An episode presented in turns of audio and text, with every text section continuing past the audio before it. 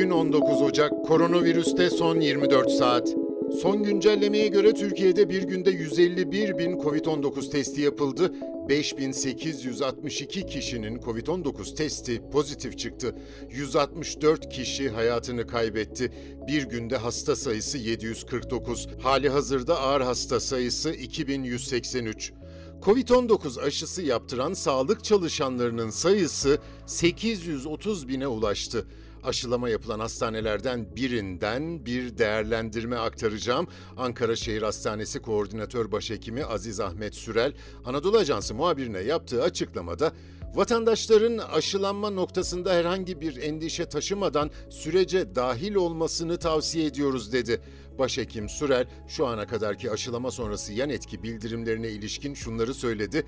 Şimdiye kadar başım ağrıyor, tansiyonum mu düştü diyenler oldu veya aşılandıktan sonra hafif bir Covid geçiriyormuş gibi vücudunda 1-2 gün reaksiyon olanlar oldu ama hiçbiri tedavi gerektirecek düzeyde olmadı. En çok korktuğumuz şey anafilaksi yani alerjik reaksiyondur ama bu noktada bunu da görmedik. Son derece güvenli gidiyor, ciddi rakamlara ulaştık ve aşılamanın ikinci aşaması da başladı. Aile, Çalışma ve Sosyal Hizmetler Bakanlığı'na bağlı engelli ve yaşlı bakım kuruluşlarında kalan vatandaşlarla personel ilk doz koronavak aşısını aldı. Bir haftada tamamlanması planlanan programda resmi ve özel bakım evlerindeki 18.450 personelle 30.000 engelli, resmi ve özel huzur evlerindeki 14.470 personelle 24.200 yaşlı olmak üzere toplam 87.120 kişi aşılanacak.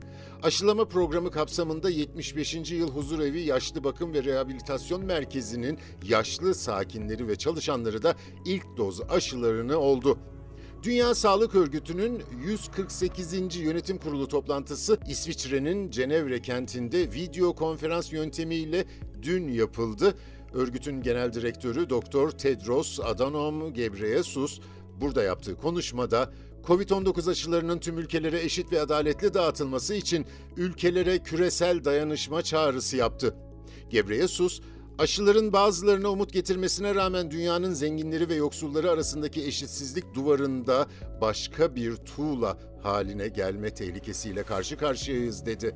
Gebreyesus isim vermeden bazı zengin ülkelerin aşı üreten ülkelerle ikili anlaşmalara öncelik verdiğini, bunun da 190 ülkenin katıldığı COVID-19 aşıları küresel erişim programı COVAX'ı riske attığını vurguladı. Gebreyesus şunları söyledi, şimdiye kadar en az 49 yüksek gelirli ülkede 39 milyon dozdan fazla aşı uygulandı. Düşük gelirli bir ülkeye ise sadece 25 doz verildi. 25 milyon değil, 25 bin değil sadece 25. Açık konuşmam gerekiyor. Dünya feci bir ahlaki başarısızlığın eşiğinde. Bu başarısızlığın bedeli de dünyanın en yoksul ülkelerinde insan hayatı ve geçim kaynaklarıyla ödenecek. Dünyada bugüne dek Covid-19'a yakalananların sayısı 96 milyon 69 bin. Toplam ölüm 2 milyon 51 bin. Bugünlük bu kadar. Hoşçakalın.